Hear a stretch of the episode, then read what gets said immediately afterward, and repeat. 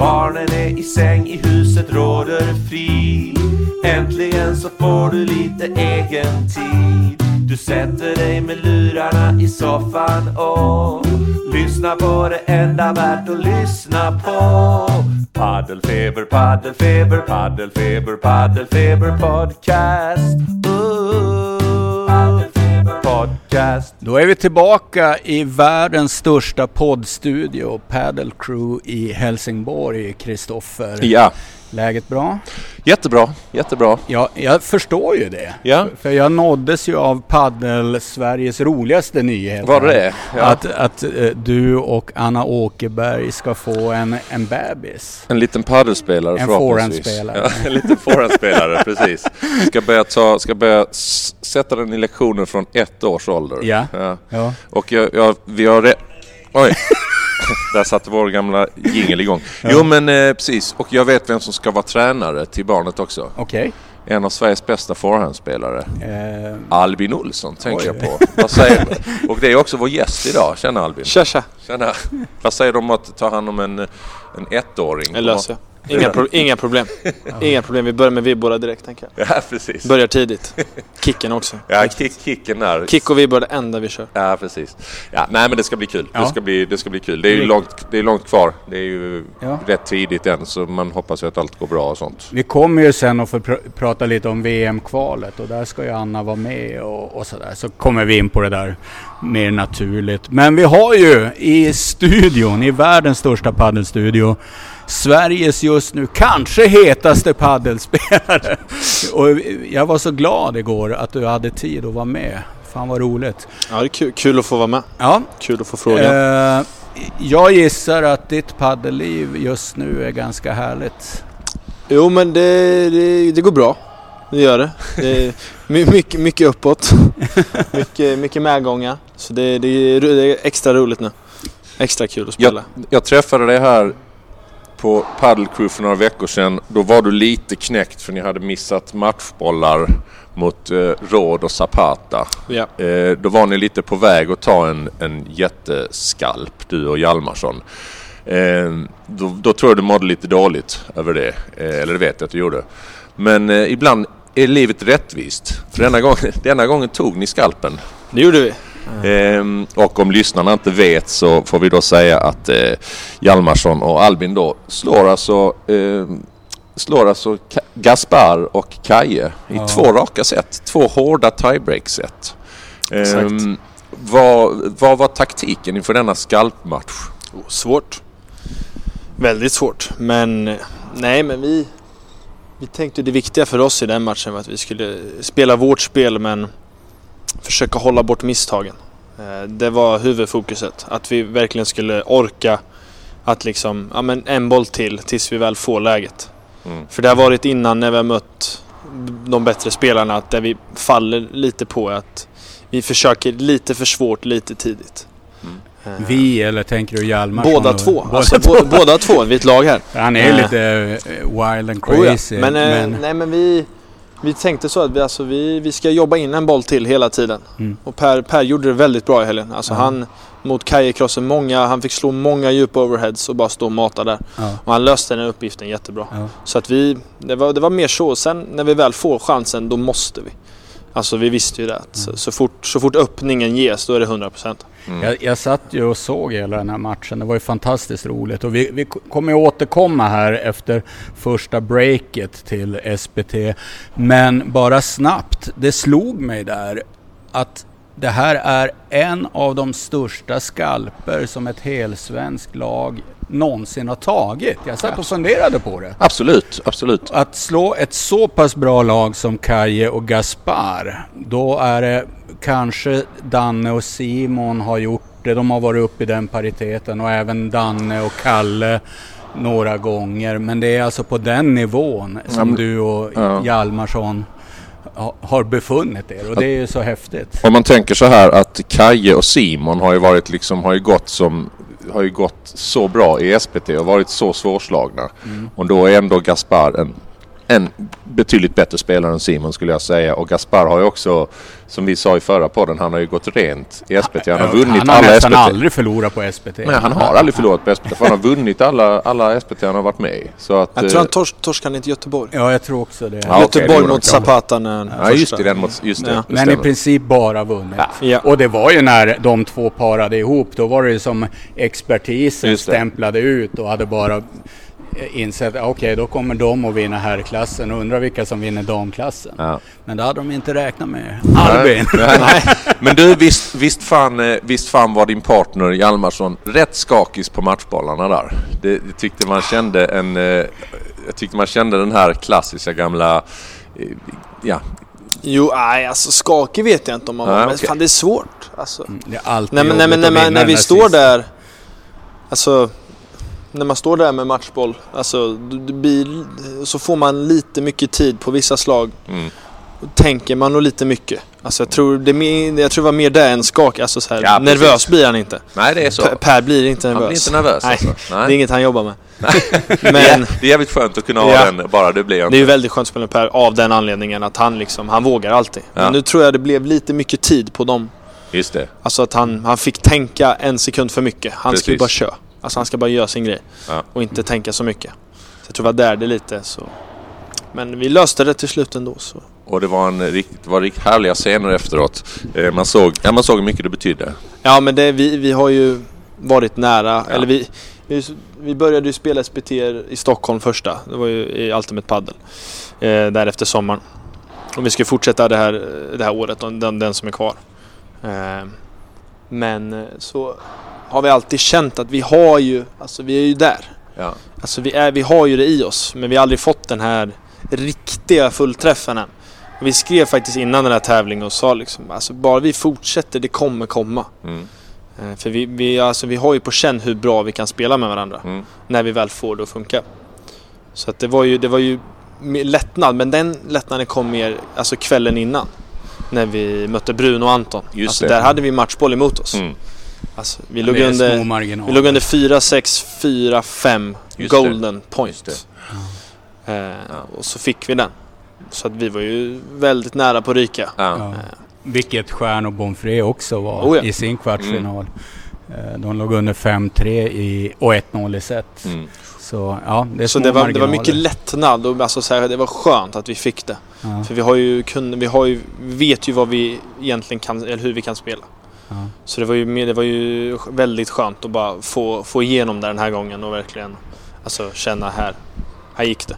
Om du, skulle, om du skulle förklara för våra lyssnare om någon inte har sett dig spela eh, och du skulle liksom förklara liksom vilken typ av spelare du är. Du är ju forehandspelare. Vad skulle du säga är dina styrkor och dina svagheter? Jo men alltså jag, jag är väldigt lång. Alltså oh, jag tror Hur lång är du? Två meter och två centimeter. Oj, oj, oj, det är så pass. Ja, Står i det, passet. det sa Andreas Johansson här när vi hade honom, men jag, jag köpte inte det. Jag Nej. trodde inte du var så lång, men det Nej, är så 2-0, pass. 202. Ja. Eh, jag. Så jag är ju väldigt speciell forehandspelare får man Mm. ju säga. Mm. Alltså, men jag, jag gillar det. Mm. Styr, det där, därav kommer det lite styrkor som... Jag känner folk ju frågar men ska du inte över till backen? Jag, jag, jag vill inte alls. Alltså, för att jag känner alltså spelar jag med backend-spelare som har en väldigt bra overhead eller volley. Då blir det som händer, det blir svårt för motståndarna vart de ska lobba eller slå. För vanlig taktik är okej, vi lobbar för en kille. Vi står och vi skickar allt dit för och sen öppnar vi banan för backen. Killen måste in och täcka och så eh, bygger man där. Men det är ju liksom, då slår man ju till det jag eh, anser är mitt bästa slag, alltså min overhead. Och det, det går ju inte, eller alltså man vill ju inte helst stå där och slå till mitt bästa slag.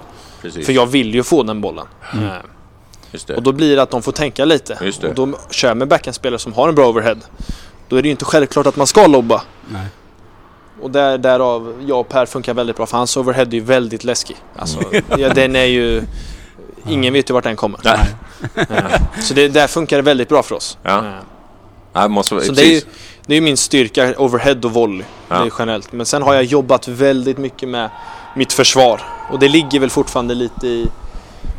Alltså mer beslut är min, mina stora lite svagheter just nu. Vi jobbar mycket på det här beslut, vart jag står i banan. Mm. Eller när, hur jag rör mig, när jag går fram och lite sånt där smått. Men själva alltså teknik och sånt Alltså där känner jag mig ganska allsidig överallt just nu. Jag har Mm. jobbat väldigt hårt med försvaret och Mm. mina sl- slag där bak. Så det börjar, det känner, jag känner mig trygg där. Så det är mer... Svagheten är väl vad jag gör och när jag gör det. Tänker jag för mycket? Alltså, så här, hålla det enkelt försöker jag nu. Att liksom, Jag sitter bara och myser när Ja. jag hör det.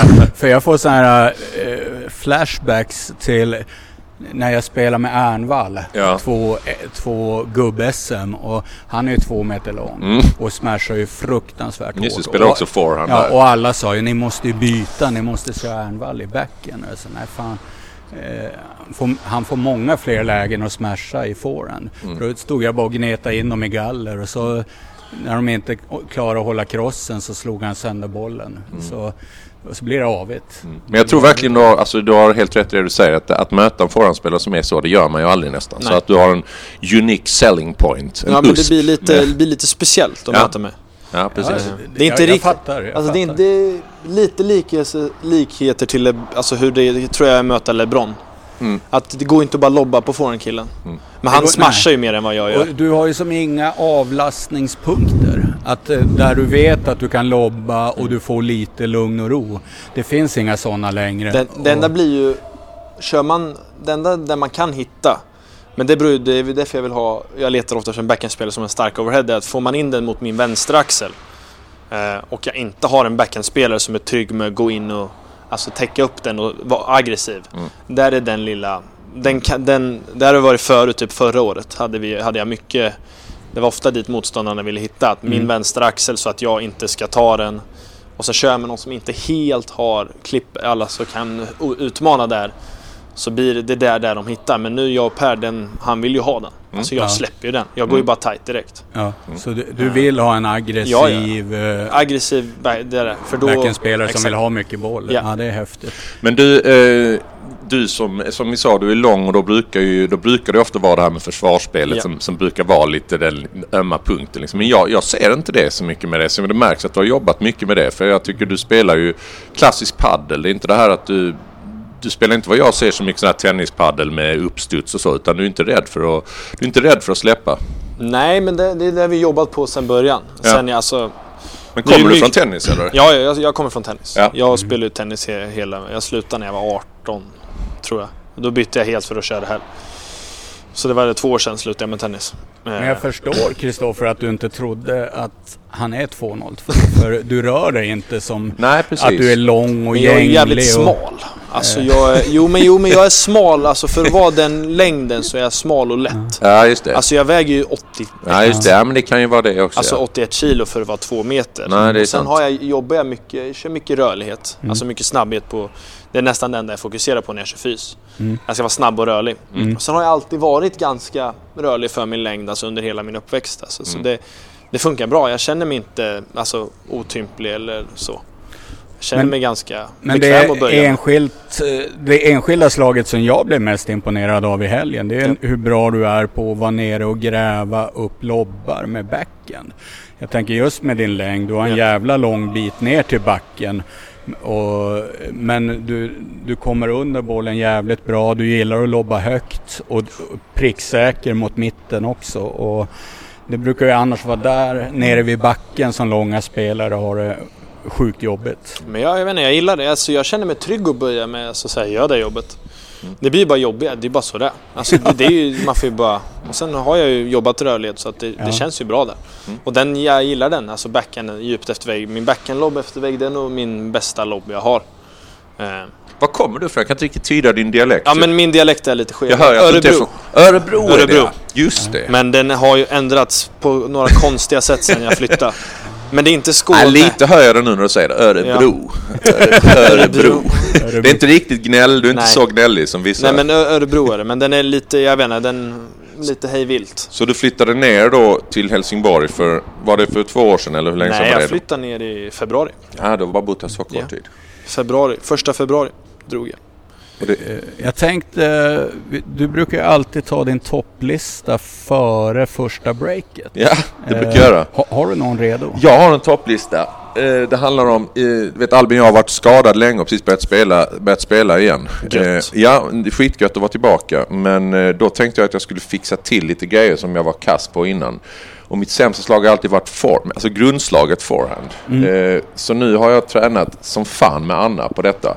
Så här är mina tre grejer som jag måste tänka på hela tiden nu när jag slår min forehand. Kan man tänka på, ni, om ni har lyssnare som också har dålig forehand. Eh, på tredje plats, eh, kortare baksving. Inte så jävla stor baksving, det blir bara jobbigt i paddel. Eller hur? Ja, det är Ja. helt rätt. Så jag, det, den får jag jobba på, tänka på i varje, varje Jag, form. jag har samma. Ja. Och, och jag kommer ju från pingisen. Ja. Och då är det baksving. Är det lång baksving i Ja. pingis? Jag har inte Ja. koll på det. Ja, Ja. okej. Eh, Ja. den ska bort. Ja, den ska bort.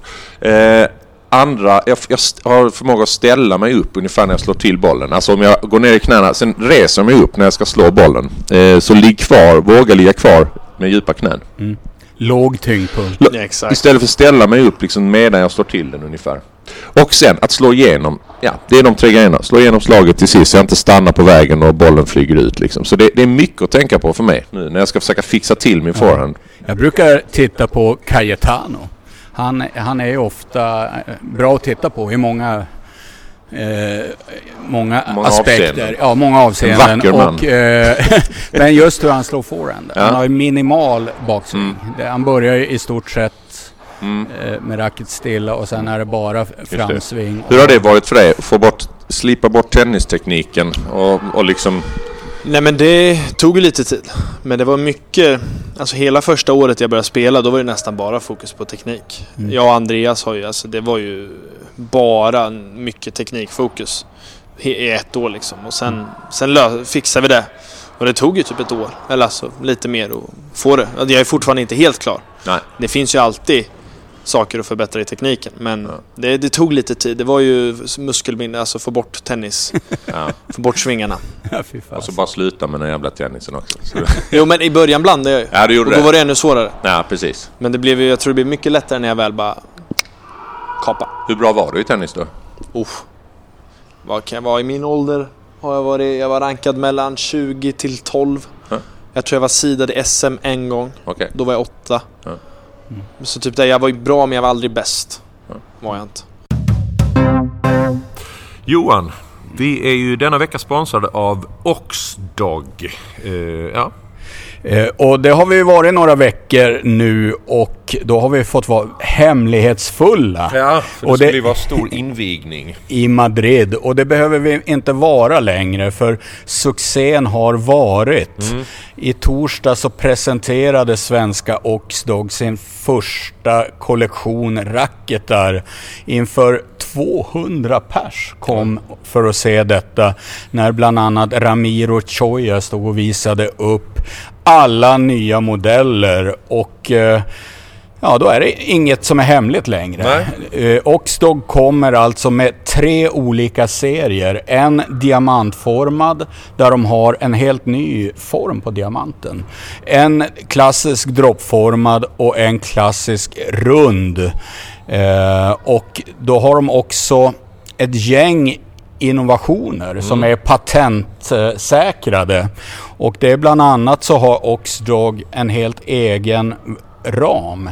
Och när man pratar med dem och hör dem prata om ramhastighet och så vidare så fattar man ju att det är avancerade grejer. Men jag tycker det är ganska coolt att de på något sätt inte bara blir ett brand som eh, följer andra utan de har ju sin slogan "O- Others will follow. Just det, de är riktigt, riktigt, de är en rejäl satsning. Ja, det kan man lugnt säga. Och de räknar ju med att på första året sälja 18 000 racketar över hela världen. Och det visar någonstans nivån. Eh, och eh, jag har ju provat ett par modeller så jag har ju fått hålla väldigt tyst om vad, det här att de, man kan ändra balansen i racketarna. De- har dels en tyngd upp till och en i botten på handtaget. Och totalt är det 12 gram man har att spela med. Och alla vi som spelar padel vet att 12 gram är rätt mycket. Så säg att du skaffar ett runt Oxdog och känner att jag skulle vilja ha det lite mer framtungt. Ja, då tar du bort vikten under handtaget.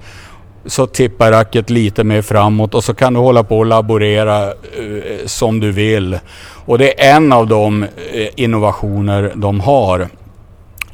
Eh, och så pratade jag med Magnus på Oxdog i Piteå. Bara det tycker jag är Ja. roligt. Eh, Oxdog som är ett av världens största innebandymärken Eh, ska nu bli ett av världens största paddelmärken också. Han sa att det är ett fruktansvärt intresse och tryck på deras racketar och då är frågan när går de här att köpa? i butik. Och då sa Magnus att eh, racketarna är på gång till Sverige och de kommer börja säljas andra halvan av oktober. Så om en knapp månad så finns de i butik. Och då kommer de finnas i alla större bu- butiker, både online och i fysiska butiker. Ja. Så man ska inte behöva leta för att hitta Oxdog.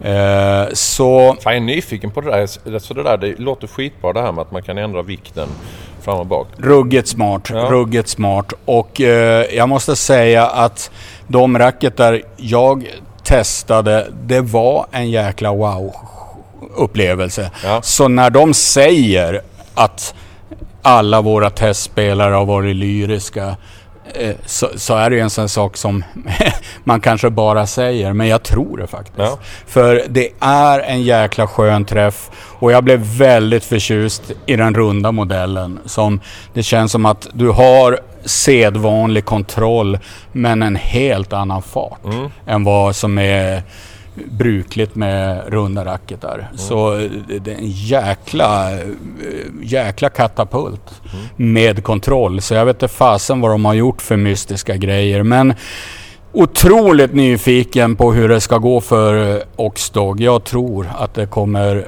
gå riktigt, riktigt bra. Och vi tackar Oxdog även för denna veckas spons. Tack så mycket Oxdog. Du har nu varit ett tag i Helsingborg Exakt. och jag bara utgår ifrån att det har betytt mycket för din utveckling. Jo men det har det. Eh, Jag flyttade ju ner februari, början av februari där. Och jag, då, då, då tog jag beslutet att eh, ja, men det är dags. Jag, för att ta nästa steg så behövs det behövs lite miljöombyte eh, och flytta ner hit. Eh, största anledningen var ju för Andreas. Alltså Andreas har ju sin bas här. Och jag har ju tränat med han sen jag började egentligen. Men vill ju göra det mer, mer kontinuerligt Mm. och liksom få till det. Och det, det har ju bara gått bra. Alltså jag har ju fått en hel full träff och det var ju inte, det var inte säkert. Alltså Nej. jag, när jag flyttade ner då var det inte ens, alltså jag, jag chansade bara. För Mm. att jag hade ju gått och, v- så här, jag tog ju studenten förra året. Eh, 20, vad blir det, 2021. Mm. Och efter det har gick jag alltid runt och tänkte, okej vad ska jag göra? Jag vill, ju, jag vill ju verkligen satsa på det här. Men det var svårt, svårt med alltså, jobb, alltså, Mm. det, få ihop det ekonomiskt. Ja, ja, det, är alltid, det, är alltid, det var ju alltid det svåra. Så försökte jag tänka på det, så började jag prata med Andreas under vintern och bara fan, eller så här, vi, vi måste få, eller jag vill verkligen få till det. Mm. Och så började jag kolla på det, men det, alltså svårast var ju jobbet, hur jag skulle lösa den delen. Alltså, för jag måste jobba, men jag måste ha ett jobb som ändå kan anpassa sig till min träning, för jag flyttar ju för att träna. Mm. Eh, och då, kom, då var, så till slut satt jag med farsan hemma. Bara, och så hittade vi ett bra boende, jättebilligt, jättenära. Eh, som jag kunde hyra typ, inne, eh, typ inneboende hos någon var det, Mm. något Mm. sånt. Och så sa han bara kör. Alltså testa nu i tre månader. Och sen han bara, för jag visste inte ens om jag skulle få jobb då. Nej. För jag hade pratat lite med Paddle Crew men inget var spikat. Så, sa han bara testa, åk, vi hjälper dig om det. Alltså går det åt helvete så går det. Mm. Så då, då får vi gå in och stötta och så kommer du hem om tre månader annars. Mm. Men så direkt kom ner, fick eh, möjlighet, tog alla chanser jag fick här. Jag, jag, jag sa ju till dem på Crew, eh, alla som jobbar att så här, har ni någonting som behövs göras, jag tar det. Alltså, jag gjorde så mycket, jag krattade ju alla banor i nya hallen. Jag gick ju liksom åtta timmar med en sån här kratta. ja men alltså det var ju sånt. Och sen kom de efter det och bara ah, kan du hoppa in som coach också? Ah, Okej, ja, ja. Så var liksom, det var ju 12 timmar pass ibland. Så jobbade jag så och sen fick jag mer möjligheter för dem. Jag uppskattar väl att jag ställde upp. Ja, ja, visst. Och sen fick jag jobba mer som tränare, fick stå i shoppen och nu kör jag bara tränardelen. För att de så är inne där och tränar i akademin, vuxna och våra duktiga ungdomar slash juniorer. Mm. Så det var ju verkligen fullträff med den som har gjort att jag kunnat varit här. Och sen allt med träningen, alltså sparringen som finns, Mm. Andreas, att jag får vara med, att jag har fått chansen att vara med Danne och Simon och Kalle.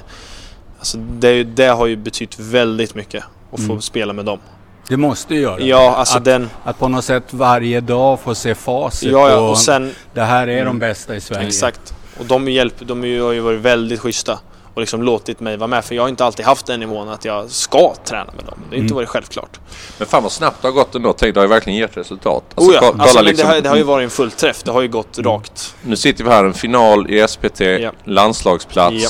Det är liksom, kan inte bli mer, eh, Nej, mer, det, mer det, fullträff. det har gått snabbt. Men du sa en grej där som Mm. gjorde mig så glad. Att de hade varit så inkluderande, Ja, ja. öppna. Ja. För så är ju inte alla idrottsstjärnor. En del är ganska så här protektoristiska och vill inte se nya talanger komma och hota. Några, några unga jävlar. Ja, eller visst. behöva träna med någon sämre. Och, Så det gjorde mig jätteglad att höra. Både Nej, men- Danne, Simon Ja, och Kalle kan alltså, ge- ja, Kalle ja. också. Alltså alla de tre har varit jätte... Alltså de, de frågar ibland vill du, kan du köra en mot en eller sånt och då ställer Mm. man ju, alltså självklart.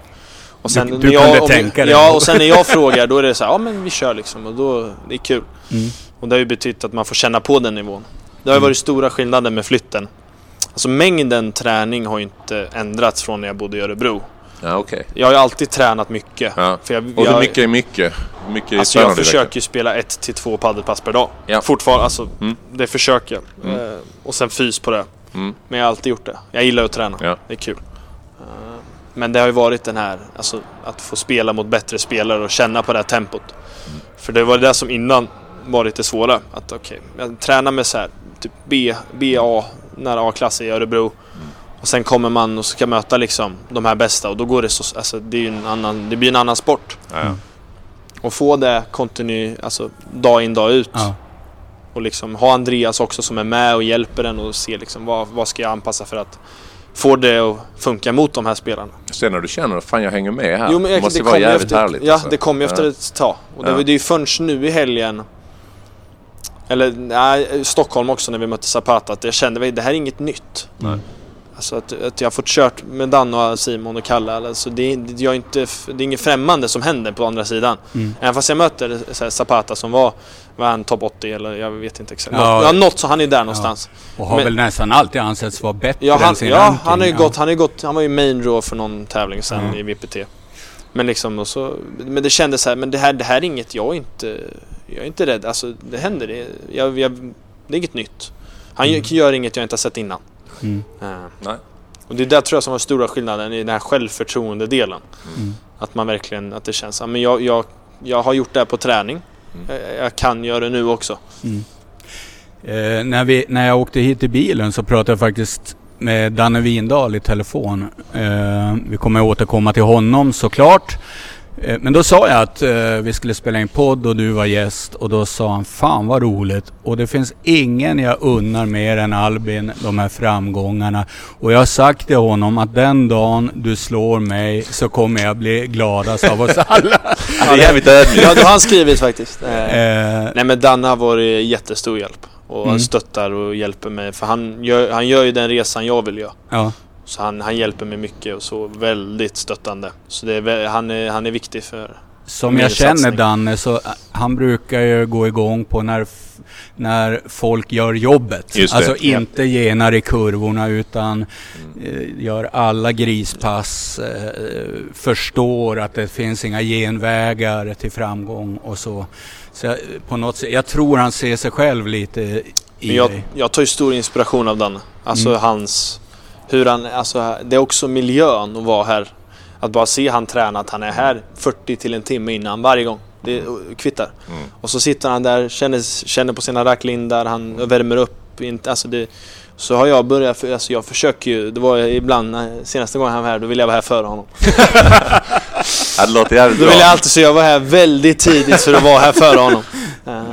Eh, Det är precis, det är precis så det sånt. ska vara ju. Ja, blev han störd när du var? Nej, det, jag vet inte. Tänkte det var någon sån Nadal-grej. Nej, just det. Stör hans förberedelse. Nej men jag ville, och sen fys med honom, han, där är han ju helt... Och liksom att köra fyra, då vill man ju alltid jaga honom. Det Mm. går inte, men man vill ju. Mm. Och att det hjälper ju en att pusha en till nästa när man ser det, så proffsig han är. Mm. Smitt, alltså, smittar av sig lite och man blir inspirerad på det. Mm. Ska vi inte komma in lite på Danne här när vi ändå är inne på det? Vi har, Ja. vi har ju en stor, stor match om några timmar. Ja, vi hinner nog ut med avsnittet kanske just innan. Ja, det kanske vi gör ja. Ja. Precis. Men ha- han och Solano vann ju alltså andra omgången i förmiddags i Previa i Amsterdam. Ja. Mot Tony Bueno och Mark Gilles. Mm. Eh, och ska då än en gång, jag tror det är femte gången, som Danne ska spela sista omgången i Previa. En gång han lyckats, det här kan alltså bli Mm. andra gången han lyckas kvala in i en VPT. Så Och en bra chans denna gången får vi ändå säga. riktigt bra chans. För egentligen är väl Bueno och Killes ett bättre lag tror jag. Eh, och nu ska de alltså möta Jesus Moya och Alvaro Cepero. Och Alvaro Cepero spelade nyss med Kaje på VPT och har varit här i Sverige. Så, Mm. Och jag vet att Danne har tränat och mött eh, Moya flera gånger. Så Mm. det är som inget obekant lag och det är ett lag som de vet de kan slå. Jag träffade just Andreas Johansson här och han var orolig för att just det äh, Ja, jag skulle ställa till det. Ja. ska ställa till det. Att de går in med nästan li, lite favoritskap i Mm. den här matchen. Eh, men jag tror de tar det. Ja. Vad tror Albin? Jo, men det tror jag. Jag Ja. tror Da- Dan är redo nu. Han, eh, jag skrev lite med förut. Alltså, han, han ska ha den här. Låter det på honom. Alltså Ja. det, det ska ske. Vi får bara hoppas att han inte går, går till final i VPT för då missar han... eh, Nej, då då blir det tufft för Då oss. missar han VM-kvalet. Då blir det tufft för oss. Ja. Eh, Det är, för det är ju nästa... Det, när åker du till, till Tors, England? torsdag flyger vi. flyger... Jag tror de flesta samlas på Kastrup och så flyger vi samma. Inte de som flyger från Europa. Dan och de tar någon annat. Ja, just det. Men vid 09 på torsdag flyger vi från Kastrup. ja, jag hörde det skulle lottas först på torsdag också. Alltså det är på så, torsdag ja. det lottas. Ja, Ja, jag tror, tror när vi är där. ja, Eller jag så- vet inte men... Så in i det sista Ja. kommer det vara osäkra villkor. Däremot var det tydligen klart idag att Paddeltelevision ska sända Fan vad roligt. Sveriges matcher. Ja. Så det är ruggigt roligt. Och, eh, jag har ju tidigare varit på många mästerskap och stått med mobilen och sådär. För det, det blir ett sånt jäkla roligt engagemang för landslagen. Men då måste det sändas. Mm. Så, Ja, det är som den här Dannes match nu. Det gör ont i mig att man inte kan se denna matchen Ja. idag alltså. Ja, ja. Man, Eller hur? alltså, Man hade vill ju en- verkligen se. Man Eller hur? går ju runt och kollar på livescore, Ja, ja, det alltså livescoren nu, istället. liksom. Ja. Men det är inte samma. Nej. Det är svårt. Nej, det, det är inte är absolut inte samma. Nej, nej det får... Nej, det får vi fixa. Eh, jag tänkte en, en sak som är rolig med Danne och egentligen med er alla. Det är när ni, ni tränar bra och hårt under längre tid.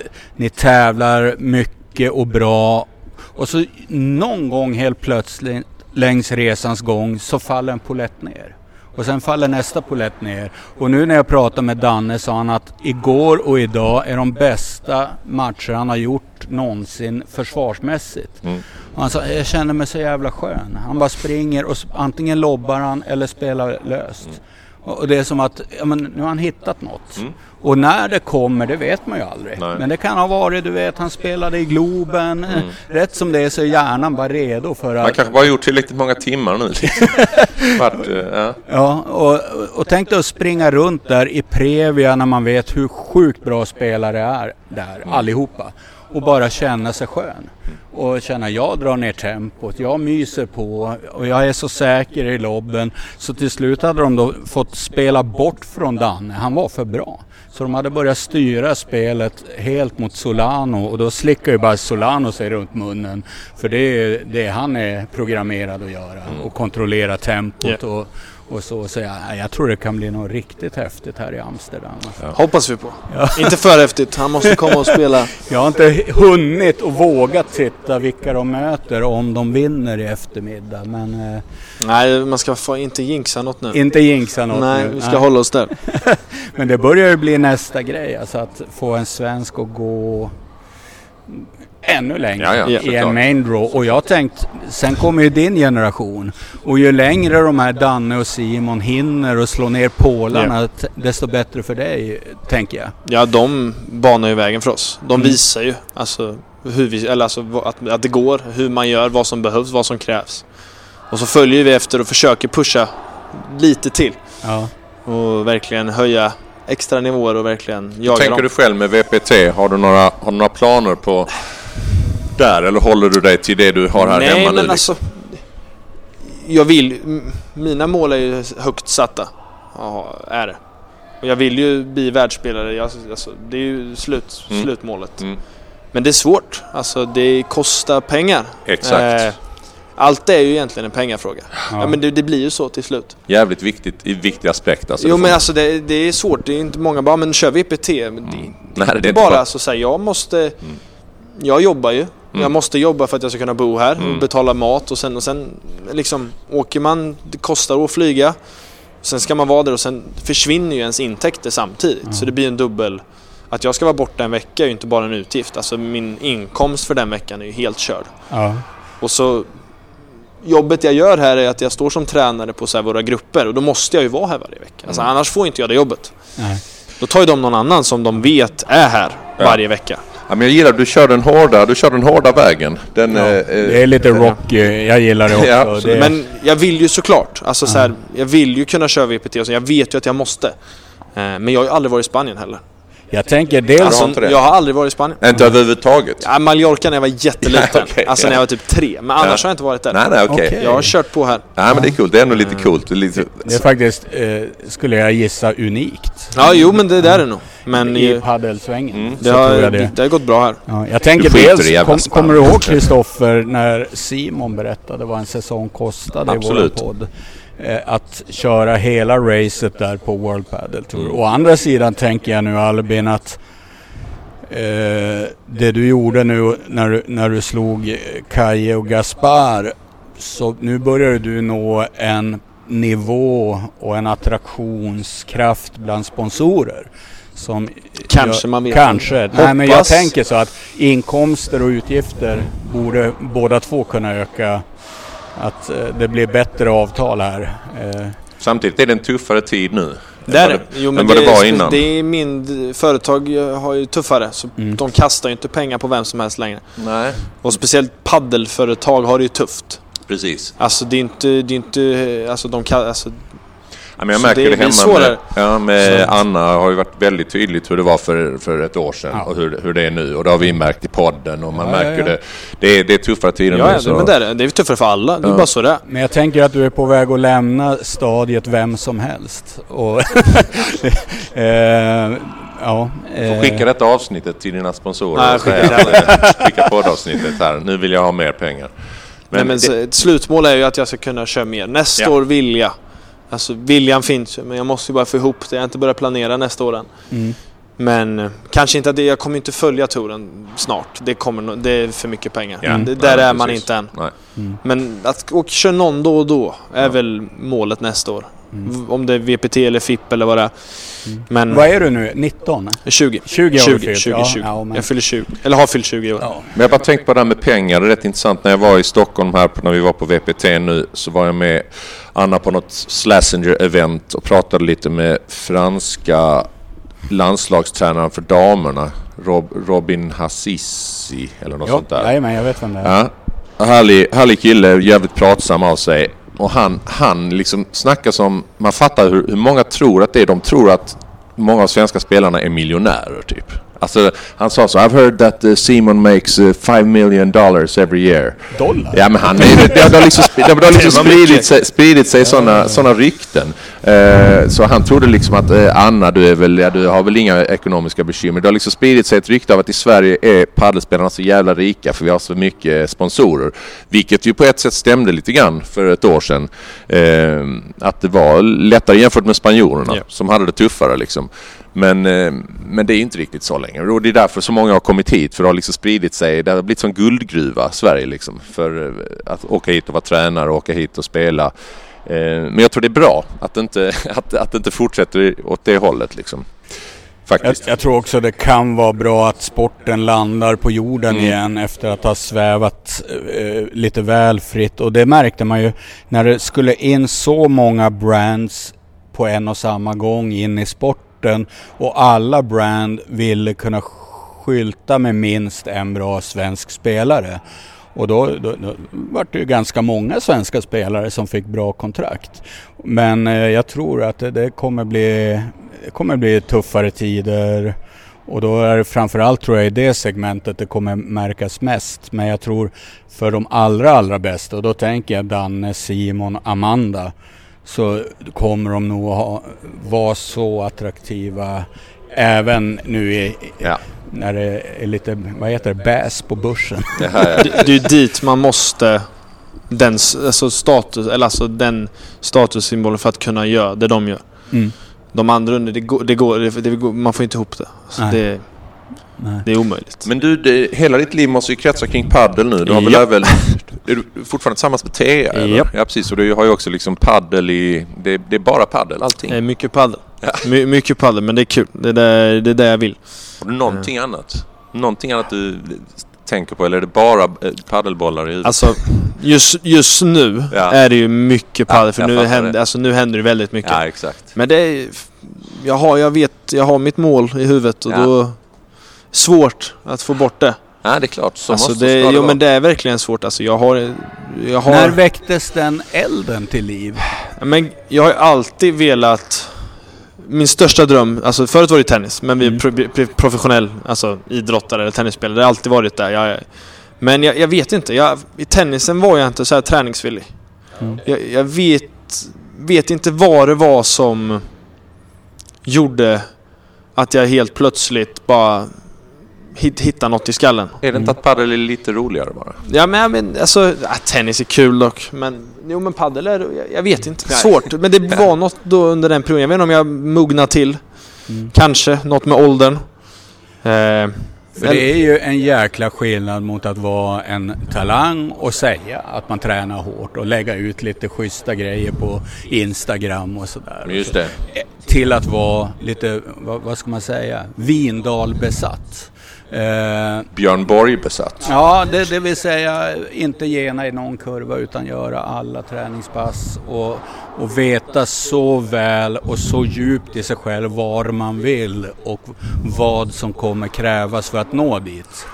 Och eh, av alla jag pratar med så är det bilden man får av dig. Att, eh, men jag, jag vet vad jag vill och så. Jag, alltså, jag skojar ju allt för jag kommer annars bli, kommer jag nog vara lite besviken på mig själv mm, till slut. Om jag inser att nej men alltså du gjorde inte allt vad som krävdes. Du kanske hade kunnat blivit bra. Men jag tror det var också lite där tennisen, att jag blev lite besviken på mig själv.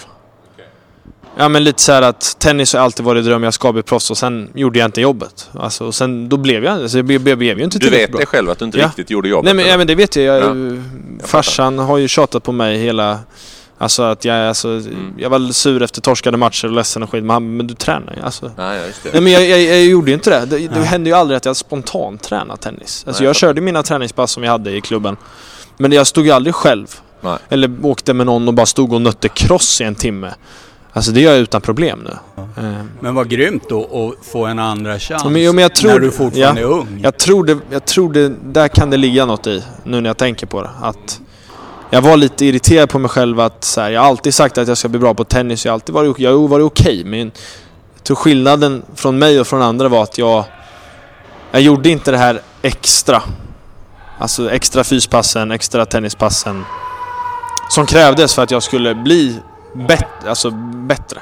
Men det du har med dig från tennisen Självklart är ju det här med att du har spelat mycket matcher. Ja. Det där är ju sån, sån fördel eh, i padden. För det, det tänk, tänkte jag på nu när jag såg matcherna. Du verkar, du verkar kolugn på banan. Även i en sån här, sån här jämn Mm. stenhård fight som den ni hade i semifinalen nu. Man ser inte på dig att du, du, du verkar vara ett stenansikte där. Ja, men jag har tävlat mycket har man gjort. Mm. Alltså väldigt mycket matcher har man ju spelat Exakt. i tennis. Och tennis är ju en tuffare sport rent mentalt. Tycker Absolut. jag. Ja, det är det. Alltså det är olika sporter men alltså själva kulturen och att du är helt själv på banan och att, att det är stenhårt och det är verkligen så här så... Mm. Så att jag tror det har ju format den lite. Och själva tenniskulturen har ju gjort den och det ser man ju på de flesta som har spelat tennis länge att det, de är ju så. Mm. Och jag... Och sen blir jag när jag väl går på plan eh, för att alltså tävla och så. Alltså jag blir lite en annan människa. Eller Mm. alltså jag går in i något fokus. Ja. Eh, och jag blir lite seriösare på något sätt. jo men alltså jag, ser, Ja. jag tror folk nästan tycker jag är lite läskig på plan. Eller? Okej. Ja. Ja. men alltså jag blir väldigt inne i det. Mm. Så alltså tävlingsdelen, det kände jag i början när jag började spela padel att det var ju det Som gjorde att jag tidigt när jag var yngre, när jag började, att jag kunde vinna mot folk som var bättre på paddel. Men det var för att de har nog tävlat mindre än vad jag har gjort. Mm, precis. Ja, och jag hade där- den lilla där i början. Så, Jag tänkte på en grej. Du nämnde ju tidigare hur kul det var att spela forehand. yes. Eh, men hur kom det sig att du började där? Eh, för där kan man ju tänka sig, ja, du, du är lång, Mm. du kan smasha, det blir backhand. Ja, men den är lite, lite intressant. Eh, det var ju Gustav Eriksson, vet ni vem det är? Mm. Gurra. Gurra, exakt. Gurra. Han började ju- vi har ju kört tennisdubbel med varandra. Vi har ju spelat, vi är jättebra vänner. Vi bor ju med varandra nu för Mm. den delen. Men... Och så, han var ju inne i det lite innan mig. Han kom in i det här med junior, han var något junior-EM och vi, de Mm. där, den där 2019 eller 2018 Jajamän. vad det var. Men så Bragdgurra. Exakt, bragdgurra. eh, nej men så skulle han, så skulle var det något junior-SM där. Och han, ha, alla andra hade ju redan, det var ju så få juniorer som spelade så han hade ingen partner. Även fast han skulle spela, för han skulle vara med på alla landslag. Så då sa han till mig, du får vara med.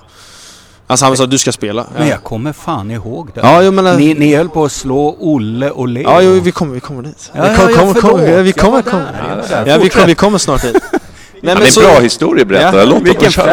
jag fick. Ja, men han- Fortsätt Albin. Men, men han... Då sa han till mig, du ska spela. Ja.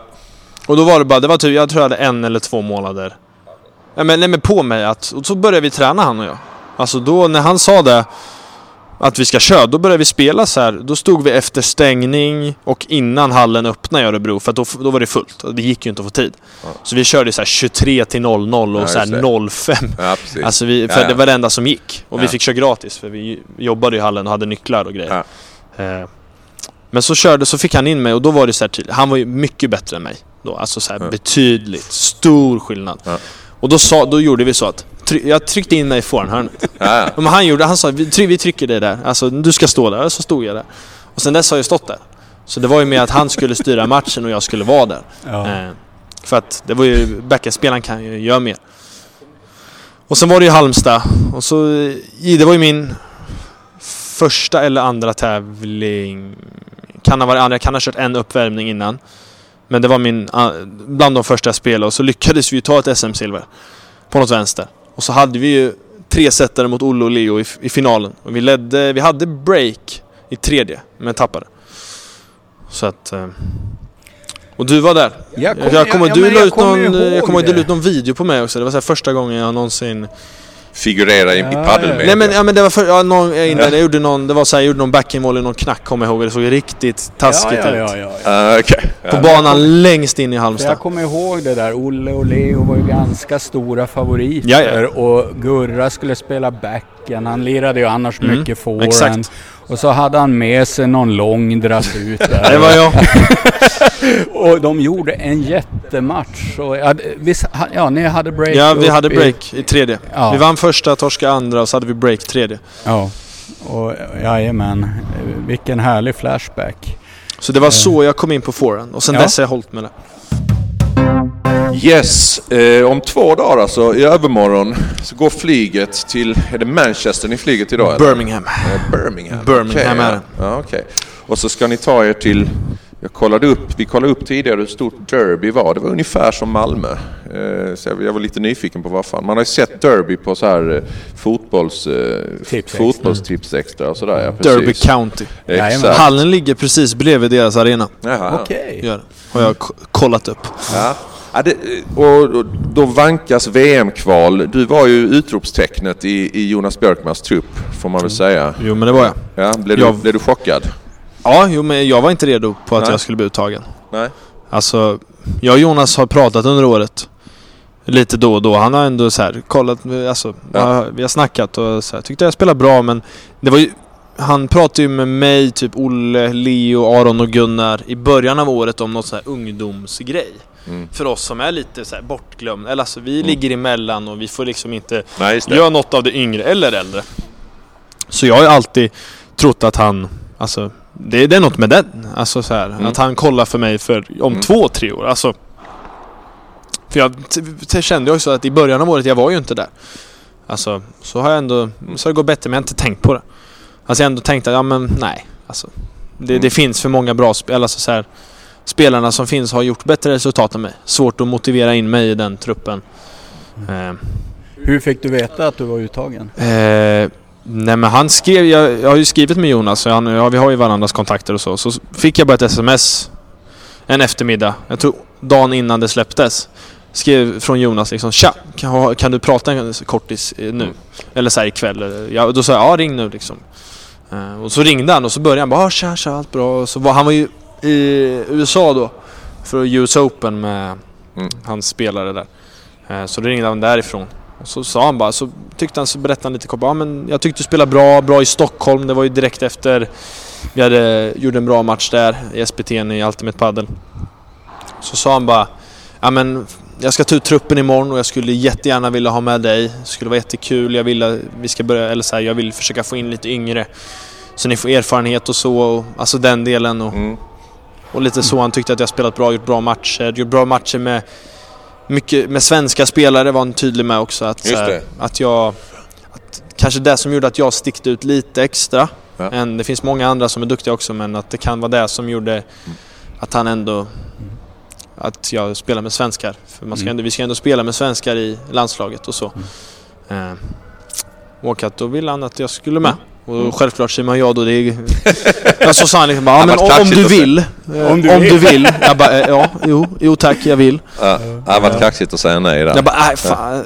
Nej, jag kan Jag har, jag har något annat planerat. Och Ja, precis. Jag ska- Var det så när du la på så bara, vad fan hände just? Nej men jag, jag kommer inte ihåg, alltså jag skulle ha tränarmöte.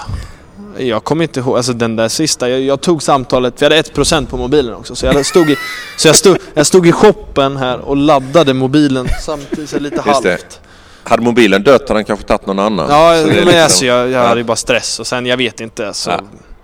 så ringde jag bara farsan direkt när jag gick till. Och så, alltså, Men, men du, det kan ju bli lottningen här till den... Du hade koll på att den kommer på torsdag tydligen? Jajamän, ja. jag har hört Jonas Björkman säga detta så då, då litar jag på honom. Och om jag fattar det här rätt nu Mm. så är det sex herrgrupper. jag har ju, Mm. jag har ju ett, eh, Det är ganska jag har ju krångligt. dokument om vi vill se Ja. exakt. Där. Jag har sett det där Ja, du har sett det? Ja, vi har då- samma där. Och det är alltså Ja. sex herrgrupper och i två av grupperna, vilket inte är Sveriges grupp, så går vinnarna direkt till semifinaler.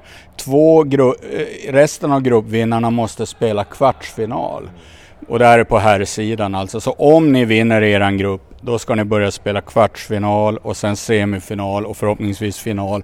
Och hela vägen drömmer man ju om att undvika Portugal. Portugal, ja.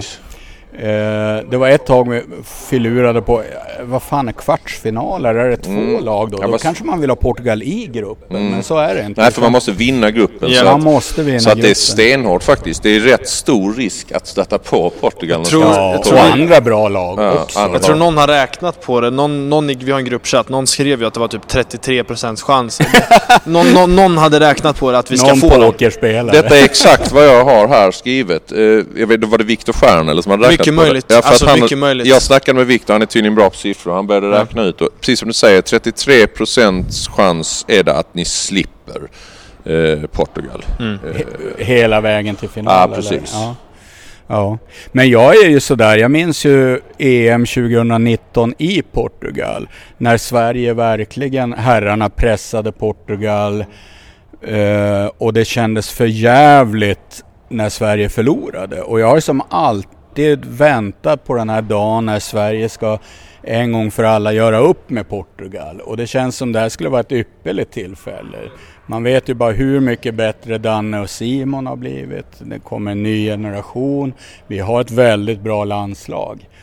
I och för sig har ju Portugal också fått fram lite nya spelare. Du, du kommer ihåg, så- såg du de här bröderna Just som, det. Dus heter. Ja, som gjorde kaos med Appelgren och Frost. Just så det. att de har en bra spelare. Absolut. Men vi har lite gå för oss. Vi spelar ju in i en VAP-anläggning. Alltså det, Mm. det kommer ju kännas som vi är i Sverige. Exakt. Alltså det kommer ju alltså, det kommer vara som att vi åker typ till Växjö eller något Mm. ställe. Alltså när Ja, vi det är går in där. perfekt. Det Ja. kommer ju kännas som att vi är kvar. Det är helt perfekt. Ja. Ja. Så det tror jag alltså vi har. Ja, vi ska ha Portugal även om vi får dem. Jag, i alla fall, det är vad jag tänker. Mm. Ja men Alltså, jag tänker kvittar, samma. alltså, vi- alla, alla har nu pratat om Att vi Portugal ska som slippa, om det men vore... vi, vi har dem. Alltså, Jag tror också det. Jag jo men vi ska, det, vi, ska, vi ska åka till Dubai. Eller jag vet inte ens om jag får åka till Dubai. Nej, nej, men det är, Alltså, det är men inte klart. Sverige ska Sverige- dit i alla fall. Sverige ska till dit. Dubai. Ja, visst. Ja. Om vi pratar damerna då lite så är det ju är det ännu större risk för dem, eller vad man säger då med Portugal, eftersom där är det fyra grupper. Eh, och eh, ettorna går då till en semifinal, ja, precis Ja. rakt på. Så där är det ju ja, ganska stor risk också. Eh, Och där är det värre. Ja. För Portugal, om de får med alla sina spelare så har de ju alltså Nogueira och eh, det här efternamnet, att uttala det, Araujo. mm, ja. Ja, det är riktigt och det är ju tufft. världsspelare. Ja, och då har ju män, då har ju damerna också en världsspelare förhoppningsvis med i Carolina Navarro. Så det är ju, det är, men vi får hoppas att hon inte går långt. Nej. Det är samma sak där. Och Hon det är kan, en stor, alltså om hon är med det hjälper nog en hel del. det gäller absolut. Det är en, Alltså, visst, bara ha det på pappret är ju... Men tänk att du är äventyrade hela det här VMet för att gå och göra en nyckelspelare gravid. Ja, förlåt. Jag ber om ursäkt till paddel, till är paddelsverige. Att jag inte kunde hålla mig. Jag var för pilsk. Jag var för är pilsk. Det är så podden jobbar. Men eh, Anna kommer ju spela den här, eh, hon, än så länge så är det inga problem eh, att spela för henne. Det är ju rätt tidigt än. Så hon kommer spela, spela kvalet. Däremot så öppnar det ju förmodligen upp en plats i damlaget på VM. Om de tar sig till VM. Så någons, någons lycka kan ju, kan ju det här vara. Ja. Vem har du blivit var betalad av? Eh, hur, hur länge kan man spela? Gränsen går, alltså det där är jävligt olika. Jag vet att Sofia spelade ju riktigt länge. Hon var ju höggravid. Hon var höggravid men, men hon rör ju inte på sig. Så att, så att eh, för henne funkar ju det ändå. Anna har en helt annan spelstil med snabba Mm. fötter och, och måste vara igång och röra sig. Så jag tror det passar henne ganska dåligt faktiskt. Mm. Det här jag har gjort. Ja. Det passar dåligt. Så jag, hon är nog ganska inställd på att det inte blir VM alltså. Ja. Eh, För gränsen går där någonstans. Ja. Eh, Om det nu blir. Om de nu tar sig dit. Så ja, eh, och då kanske vi har haft lite egna laguttagningar, jag och Johan, roat oss med det tidigare. Och Johan har ständigt drivit, drivit den här tesen att, Den är starkare än någonsin nu. ja, att ösa på med en massa backhandspelare för damerna. Eh, Ja, eh, och det jag såg i helgen bara stärkte mig i den övertygelsen att eh, när både Ida Jarlskog och eh, Linnea Björk spelar så fruktansvärt bra i varje tävling så tror jag att det bästa landslaget hade varit att både tvinga, om Sofia kan vara med i landslaget framöver, men Barre, båda de kan spela väldigt bra i forehand. Så där tror jag vi får vårt bästa landslag faktiskt. Eh, eh, men ja, Vi får se är hur de- upp till, vi får se till Marie- Hör du mig Marie? Ja. eh, nu ska vi ta lite vad som hände på SPT där också. Vi hade ju en, förutom skrällen att ni slog, förutom Albins och Hjalmarssons skräll så, så var det väl en skräll måste vi ju säga att Sofia och Barre åker i, åker Ja. i sin första match mot Carla och Carla. Carlo och Barciela Carla, och, alltså, ja. och Rodriguez. som man försökte följa på en, eh, eh, vad ska man säga, halvhjärtad stream utan scoreboard och man bara fattade att det var jämnt. Det, det hörde man på nivån på Vamos, att det var stenhårt. Eh, och sen vann, var det 7-5? 7-5 i avgörande. Ja, Eh. och då tänkte man oj, Carla och Carla är väldigt, väldigt bra. Nej, de fick, var det fyra game de fick sen mot Cornelia Lister och den här Picchio. Mm. Som sen i sin tur var ganska chanslös. Alltså det, det där var en match som jag, eh, jag såg att Barre tog den hårt och det tror jag på flera sätt. Mm. Jo. Det var hennes hemmaplan. Det var nog en Hon hade, förlust. eh, man hörde där hon hade fått dit eh, sina, sina fans och Ja. sådär så det var nog tufft ja. Ja, hon hade nog bäddat för Barre-party och så tog det slut omgående och på det sättet, ja det är nog lite, kanske lite griller i huvudet. Men ja. Mm. Eh, men eh, det gick ju, vi tippade väl förra podden, visst gjorde vi det? Gjorde vi det? Tippade vi förra podden? Och jag, du trodde på Sofia och Barre och Gjorde jag det? Det var ju... jag är sämst på att tippa alltså. Och jag trodde ju faktiskt på de som vann. Du trodde på Jarlskog och Wickert? Ja. Jag- såg ju bara hur bra Jarlskog Mm. och Anna Jo, spelade just. förra turneringen Ja. och jag vet ju Wickert är Mm. bra. Absolut. Så jag tänkte de kommer ta det där. Men- Och som outsider hade jag faktiskt Linnea Björk och Anto. Och ja, Tyvärr så var ju detta, där måste jag säga, det här var nog, det var ju lite lägre kvalitet på den här dam, Ja, det var det. på den Det här dam-SPT'n just när, när Amanda saknas, när Anna saknas, när det blir, när Barro och Sofia åker ut. Den här finalen tycker jag, jag gjorde mig faktiskt lite, lite deppig om jag ska vara lite det hård. var dåligt Det spel. var dåligt spel i den här finalen. Det, jag tycker ändå, när man fortfarande ser en final på SPT där spelare har problem med dubbelvägg. Då, Ja. då tycker jag tycker det är lite, lite underbetyg till svensk paddel faktiskt. eh, Måste jag säga. Eh, ja, men det, å andra sidan var det nio utländska spelare med nu. Det var bara tror jag en eh, på SPT innan det. Så, men jag förstår precis vad du menar. Men vi måste ju också nämna Stjärn och Bonfré. Dina övermän. Ja, ja de var för Eh, heta. Och då skrev ju jag på Paddelfeber med skämsstruten på att det var deras första SPT-titel. Men då hörde ju Stjärn av sig per omg och sa att 2018 Då, då hade vi då slog de Bobby och Polle i en final. Oj. Om det var rent av i Västerås eller vad det var. Men jag tänkte den där finalen. Var, fanns det någon reaktion med där tror du? Eh, Efter det ni gjorde i semifinalen. Alltså, Bonfré Stjärn är väldigt bra. Det Mm. får alltså så här. Och de är väldigt bra på sitt spel. Mm. Alltså... Och jag kände att innan kändes det bra. Alltså så här, man försökte ju, allt var ju för att ladda om. Men sen när man går in på banan möter de två. Man får ingen rytm. Alltså Mm. de, de, de Nej. skiter ju i. De, de, men de gör sin grej. De skiter i rytm. Ja, de spelar sin paddel, Ja. drar bort tempot, höjer, alltså så här, Ja, helt äckligt spel att möta. ja. Mm. Och då hade inte vi... Alltså man kan aldrig jobba sig in i en sån match. Vi får ju 0-3 direkt i baken. Mm. Och då... Fan, alltså jag satt där i första sidbytet och kände att det, det, det finns inte tyvärr nu. Men du alltså. kände den att Ja men hur, den- alltså jag kände ja. mig bränd i Jag huvudet. fattar vad du menar, ja. Fysiskt var ändå, eh, det var okej. ja. Men jag, det var... Hur det fanns tyvärr inte mer. För vi hade mot Bruno och Anton, den matchen var ju liksom tre set. Det var ju hur tufft som helst kvällen innan också. Så att alltså...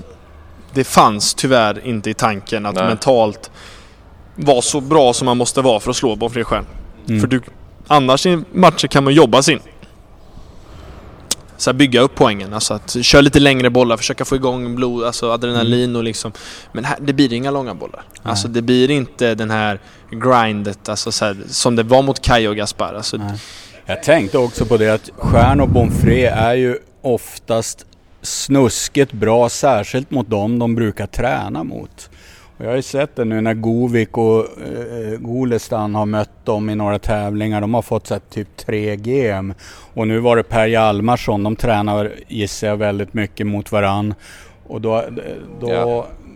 Sen, har de ju, sen brukar de ju å andra sidan ha väldigt, de har ju alltid, de vinner ju aldrig mot spanjorerna. Eh, Nej, de har ju svårare där. Där är det alltså. liksom svårare, men nu, nu gjorde ni liksom deras jobb där. de, de, de swishar mig innan. Ja, ja precis. Ja. Jag- Men det där är ju som, de har ju sin speciella spelstil. Ja, och jag vet- tror att vi, vi är lite, eller i alla fall jag, jag är lite för dålig precision för att kunna neutralisera de två. Mm. Och då måste man ju vara helt på det för att lösa Mm. det och det var jag inte. Eh, för Men- att du kan inte ge dem... Alltså lobben måste vara i princip perfekt för att få bort alltså hårda overheads och smash. Och du kan inte slå över nätkanten för då smäller det. Så att man måste vara precis där för att kunna slå de två. Och där, där de spanjorer, där är de ju bättre än oss. De kan ju sätta den här lobben med 30 cm varje gång. Och under nätkanten varje gång. Eh, Men när man såg den så var det precis den känsla jag hade som du sa. Att man kände att spelmässigt är det inte så stor skillnad men ni, men ni tro, trodde inte riktigt på det liksom. Nej, men vi sa- trodde inte, eller vi försökte tro på det. Ja, precis. Alltså, men man ville ju verkligen och försöka. Vi kom in lite i andra sätt där ett tag, men det räckte bara 2-3 game. Mm. Men så de var för bra och de spelade för... Alltså för aggressivt så att vi skulle hinna med i huvud och kropp och hela den delen. Men hur kom det sig att, att det blev du och Hjalmarsson? Eh, var det liksom, vem kontaktade vem? Eh, jag skrev till Per, eh, men det här var ju typ mars. Mm. Alltså jag gick här och tänkte, ja, men alltså, jag gick runt och filosoferade lite på vad, alltså, vem kan man spela med? Ja. Alltså, finns det? Och så var det någon, fanns det någon tävling i Ängelholm som jag hade sett och då skrev jag typ ah, tja, vill du spela den här? Men, och han bara ah, jag kan inte men det finns en i Jönköping nu i helgen, vill du? Ja, ja just det. Ja men då sa Per bara, ja, men jag hade ju mött Per i början av året Mm. i den här svenska paddelligan. Mm. Och då var, lyckades jag vinna över honom. Eh, och sen hade jag och Olle en tuff match mot han och Appelgren där vi hade setbollar. Eh, så jag hade ju mött Per lite så jag tänkte han tycker väl ändå att jag kanske är okej på padel. Eh, så då slängde jag bara iväg den och så spelade vi den i Jönköping och då gick vi till final. Eh, vi slog ut några bra par och sen mötte vi Appelgren Sepero. Mm. Föll där. Två, vi hade setbollar dock i finalen. Mm. Och sen kände vi, men det kändes bra. Så då testade vi en till A-klass i Malmö. Mm. Och den lyckades vi vinna. Slog Kristoffer Persson, Filip Svensson. Adam Gustafsson, Gustav Eriksson i final. Och liksom tappade inte set så vi gick raka igenom där. Mm. Så kändes det bra, men jag körde ju fortfarande med Olle då. Eh, Olle och jag hade ju bestämt att vi ska köra ett halvår. Alltså vi ska köra hela första halva året. Mm. Så Olle och jag körde ju tills SM. Och sen hade ju Per tufft i SM och då, jag tror då började vi tänka lite. Jag åkte lite tidigare än vad jag hade tänkt också. Mm. Så då pratade vi lite och så... Ja men vi ska vi testa kö? Eh, alltså... Och ni vi- kör på nu va? Ja nu kör vi på. Vi Ja. sa, men vi, för då sa jag... Jag vill ju verkligen ha klart att, ja men så här. Jag vill ha fast. Jag vill inte att vi ska köra en tävling och sen, nej men det gick åt helvete så nu kör vi någon ny nästa. Är, är han bra för dig? Per är bra för mig. Ja. Jag kände också att jag behövde ha någon, det var lite, Andreas pratade om det, att det var lite... Det var dags för mig att ha någon mer rutinerad, äldre som tar ansvar mentalt och alltså... För annars har det allt, eller mycket varit att jag ska göra. När jag får köra med folk i min egna ålder. Det blir lite att jag får ta det här ansvaret att hålla uppe skeppet. Eller Mm. alltså, och dippar jag då fin- kände jag inte att det fanns Någon som var nej, Nej. stabil där bak. jag Nej, och då Per har varit jätteskön där. Alltså han är perfekt där. Jag och Per klickar väldigt bra på banan och av banan och hela. Han är bara positiv. Aldrig något negativt från honom. Och det Men är ni kan perfekt. inte träna så mycket ihop? Nej, va? vi, vi, trä, vi har aldrig tränat tillsammans. Men vi kör ju matcherna och sen försöker vi få kvällen innan tävling. En match på kvällen och Ja, sen... det. Vad är din relation till Fernando Belastegin, Albin? Men svårt. Alltså jag är ju ny till paddel. Ja. Så att man har ju inte den här... Alltså man har ju inte den här relationen som jag har med tennisspelare. Mm. Alltså tennisspelare, typ Nadal, alltså det är ju min största förebild. Någon, Mm. alltså, Nadal, jag tar mycket inspiration från honom. Mm. Man har ju inte den relationen. Men man, Det var lite därför jag ja, frågade. men för man förstår ju, jag förstår ju vad han har gjort. Och liksom hur stor han är. Och liksom hur bra han är. Men det är ändå, det är ändå svårt. När man ska sätta sig in och verkligen förstå. Ja, det går ju inte att förstå för att den VPT'n han vann här nu det var Belas 228 Ja, alltså, det titel. numret. Nej, det, man kan inte fatta Det känns ju, oh, alltså det känns ju som de bara hittar, alltså. Exakt, det känns Det, som man, man man har inte varit med om det. Nej, För det känns ju så här, man har ju Nadal, jag har ju en tennisspelare, Nadal och Federer och Visst. de har ju inte de siffrorna. nej, nej, precis. det är bara liksom- Nadal med sin franska öppna rekord Mm. som är så här helt... Ja, ja, precis. Eh, Ja. så att det, det är svårt men jag förstår ju att Men- de som har hållit på med padel länge, alltså att han är liksom, det, alltså det shit. ja, jag började ju spela 2014 och då var han kanske som allra mest överlägsen. Eh, och har ju som fått vara med på resan sedan dess. Eh, och det som nu knäcker en nästan, det är ju hans förmåga att förnya sig själv. Att när sporten utvecklas tidigare, eller under väldigt lång tid så var det ju han som utvecklade padden. Men sen sprang padden förbi honom och då hade han ju två val. Och sen hur han har lyckats på, på, på ett helt otroligt sätt att förnya sig själv, eh, implementera nya slag i sin repertoar, få ännu snabbare fötter. Men alltså det har han egentligen inte fått. Alltså han har ju faktiskt, om man kollar på för några år sedan, han, alltså kroppen går ju fysiskt så går det ju utför. Det, det är ju omöjligt. Även om han, så han är, han är långsammare men han har också blivit smartare. Alltså samma, han han har blivit smartare och han är så otroligt, jag tycker det är som att han har bestämt sig för att vara ännu mer noggrann i varje slag.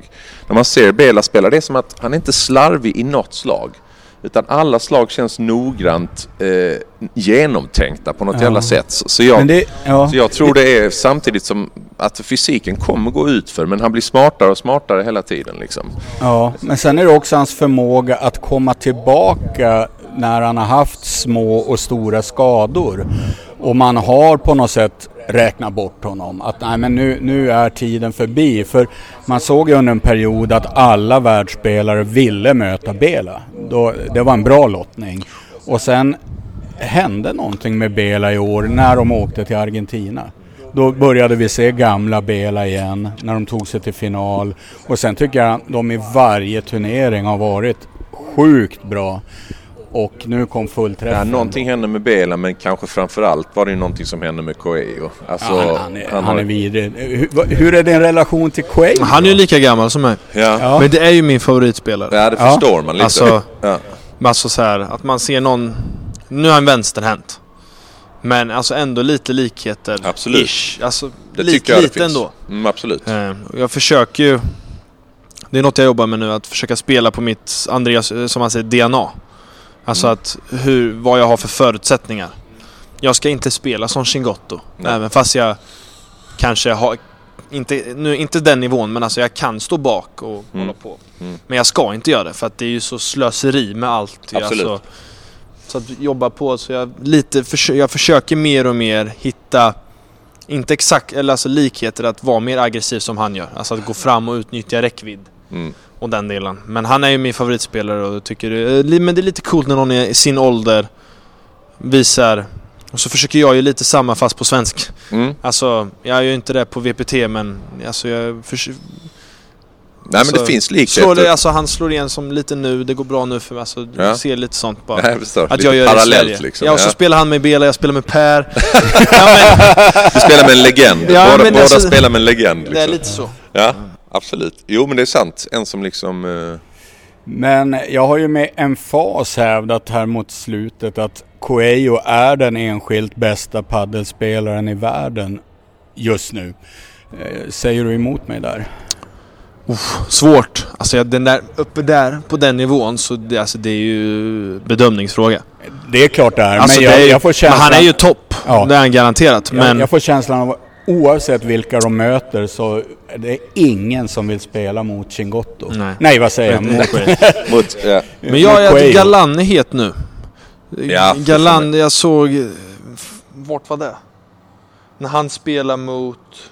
Var det finalen mot Paquito? Ja, Ja, då precis. var han ju bra. Ja, då vann Alltså, han. och även tävlingen innan jo, i han hittar ju något där. Alltså Mm. det var, jag kollade, men såg man det var ett game när de låg under. Då började han, eh, de hade typ vaskat ett game, de låg under break, men så började han helt plötsligt tända till. Och hitta något helt brutalt lir. Alltså, Men det är väl kanske de två som når de allra, allra högsta ja jag tror höjderna. de, de två skulle jag säga just nu, för mig, är de bästa. Ja. Eh, Kommer du ihåg när de spelade tillsammans? Såg du det förresten? Nej. På Jo, VM Ja. i Qatar. ja. Och då ställdes de ju mot eh, Tapia och Sanjo som just hade vunnit i Malmö.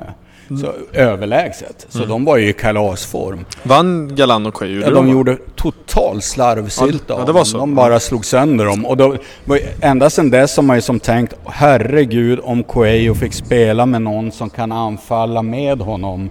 Jag tror ju på den duon. Ja, Det säger jag alltid. en dag måste Vi har ju hört, ryktena säger ju att det ska bli Coelho och eh, Stupa som, som parar ihop. Och precis den reaktionen som du gjorde där är väl lite Jag den man vet- haft. Det känns inte allra roligast Nej på men, något sätt. Det känns fel. nej men jag Ja, på något tror... konstigt sätt. Grejen med Quay är att han vill ju slå mycket i mitten. Han vill ju ta smashen. Mm. Då behöver du ha någon... Eller det var jag Jag kan ha fel också. Det här är bara min Mm. tanke. Mm. Jag, jag kan ju inte allt. Jag är ny fortfarande. Men... jo men så här. Tänker man ju spontant att då behöver han väl ha någon som kan... Alltså som kan släppa den. Men alltså... Ja, Och det har ju Galan gjort med LeBron nu. Alltså Ja. han, LeBron vill ju gå in och putta bort han och smasha och då är han van med det. Mm. Medan Stupa mer känns det som att han ska in i mitten och smasha och kicka galler och hela den och så här, ta kontra och sånt. Mm. Känns ju mer som att Quay och någon som Galan som alltså släpper. För det har jag hört folk säga typ Tapia och Teo också men det är så här. Jag tror fortfarande det blir för mycket krock. Ja, och, och är för mig min- blir det också lite en krock i spelstilar för jag känner att Stupa är ganska lik Bela faktiskt. Han är så här äh, skolad argentinsk grindare egentligen, som inte är en knockout-spelare på samma sätt som Tapia och Galan. Som jag skulle se som de två optimala partnerserna till Coelho. Samtidigt har det ju funkat med Bela så att... eh, Jag menar, Ja, ja, och vad mycket paddel han har fått lära sig med att spela med Bela. Jag tror rutin, jag tror han har fått mycket av det. Jag Ja. tror det var bra val. Återigen som dig med Per. Ja, kan, kanske. Lite så. Ja, men han gjorde nog ett smart val där, Coelho, att eh, gå i paddelskola med Bela ett eller två år och sen vara redo. Så jag tycker det är så coolt. Man såg ju, man såg ju, fick ju se Coelho när han var och spelade här Eurofinans. För det känns inte alls länge sedan som liksom han var... Han spelade Eurofinans med... Han skulle väl spela med John Larsson tror jag. Och John Larsson blev skadad eller kunde inte så Anton fick spela med honom. Eh, och det är liksom bara... Jag vet inte hur länge sedan det är. Ett och ett halvt år sedan kanske. Något sånt. Eh, och nu är han liksom... Ja. Jag hörde ju att Paquito hade varit sugen att spela med Coelho, som alla andra. Men att Coelho inte alls är särskilt sugen. Ja, men det förstår jag. Och jag förstår också det. Dels spelstilsmässigt passar de inte alls ihop. För Nej. Paquito vill kunna ligga bak, han vill ha en slitvarg där Ja. bak. Det är inte Coelho. Eh, och sen även hur de är som personer. Och Co- Coelho känns som Hjalmarsson positiv. Ja. Bara positiv, hela tiden. Och Paquito, vår vän, eh, skulle ja, det vet vi hur han är Ja, allihop. och då, då, Ja. jag tror inte Coelho skulle tycka om det. Nej. Och så, Det tror jag Galan är bra. ja, Han, han, att han, han står ju ut med mycket. Det, det som står i vägen där, det är Red Bull. Ja, de har väl något fet Ett sponsringskontrakt. brutalt kontrakt gissar jag. Och, Och, det de, bygger och på det att tillsammans. Ja. nu när, när Galan drog på sig den där fula kepsen också, då gav jag upp. För då insåg man att de, de, De gör det. de gör det här tillsammans nu och tjänar sina 20 millar om året. Och så är de klara sen. Ja, Ja, ja men ja, det, det hade man ju, hade man varit dem hade man väl gjort samma också. Alltså, ja. man hade, Jo. alltså är det så jag hade också dragit på mig den fula kepsen om jag hade fått de pengarna. Men är det så mycket pengar, alltså det är mycket för dem Ja. där också. Att, då- han kan ju vara klar nu efter ja, det här. Så är det ju. Det, det börjar bli, just i världstoppen börjar det bli sjukt mycket. Ja, jo men det. Och där kan man också tänka Bela att det har fått honom att kanske... Om han hade slutat där för några år sedan. Då hade han missat hela den här... Då hade han spelat alla åren innan Mm. det blev den här boomen. Men nu har han liksom gett sig fan på att hänga kvar. Hans livstidskontrakt med Wilson eller vad det var han fick. Ja, just det. Ju, Precis.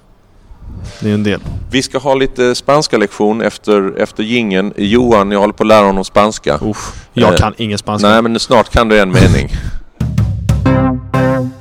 Okej, vi avslutar dagens program som vanligt med en spanska lektion. Eh, och eh, Albin, du har aldrig varit i Spanien. Du pratar ingen Spanien. spanska alls, men du, må, du vet ju att du måste lära dig lite Ja. när du ska slå dig, slå dig in på... Det någon gång kommer det. Ja.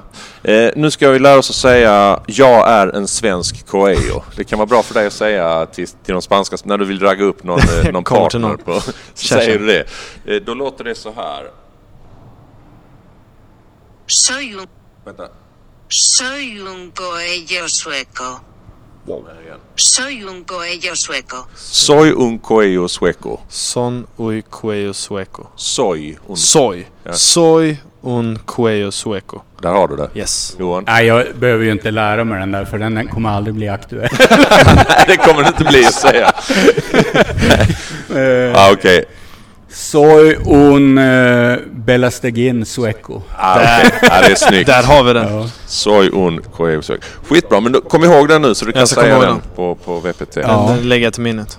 Kul att du var med eh, Kul att Albin. jag fick vara med, jättekul. Ja, lycka till. Riktigt, ro- riktigt roligt. Hur, hur eh, se, se, börjar det bli läge snart, Kristoffer, att göra en sån här paddel slash poddinspelning? Det tycker jag vi gör. Nästa tisdag kanske. Ja, Kör vi en, en, en match och sen inspelning. ja.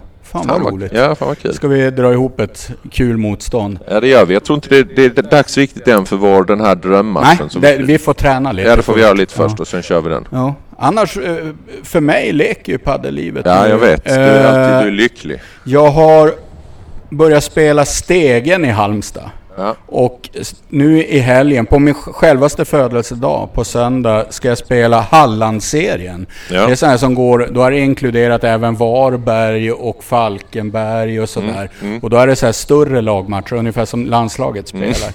Eh, där, där det är tre matcher i en match. Så Just det. Fan vad kul. Ja, det är jäkligt kul. Och sen helgen efter det ska jag spela veteran-SPT. Riktigt, riktigt roligt i Falkenberg. Och då ska jag Är spela... det några anmälda nu? Det har varit lite Ja, det var dåligt ri- dem. riktigt dåligt, men du Ja. vet ju hur det är. Ja. Mm. Det är alltid i sista stund. Och då ska jag spela med Guld-Janne. Janne Fridén. Ja, ja. Det är en bra partner. Ja, det är en bra partner, så det ser jag verkligen fram emot. Och, eh, så det rullar på. Ja. Ja. Eh, Och jag ska, få, jag ska få ordning på min forehand och sen eh, så, så kör vi på. ja, fan vad roligt. Kul att ni lyssnar allihopa. Eh, återigen tack så mycket Albin. Lycka till Tack i själva. Derby i Yes. helgen.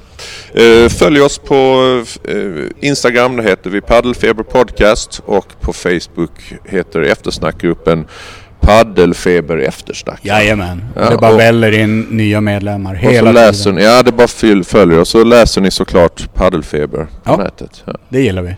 Ja, Tack för den här gången. tack. Tack. Barnen är i säng, i huset råder frid Äntligen så får du lite egen tid du sätter dig med lurarna i soffan och lyssnar på det enda värt att lyssna på. Paddelfeber, paddelfeber, paddelfeber, paddelfeber podcast. Uh, Paddelfeber podcast.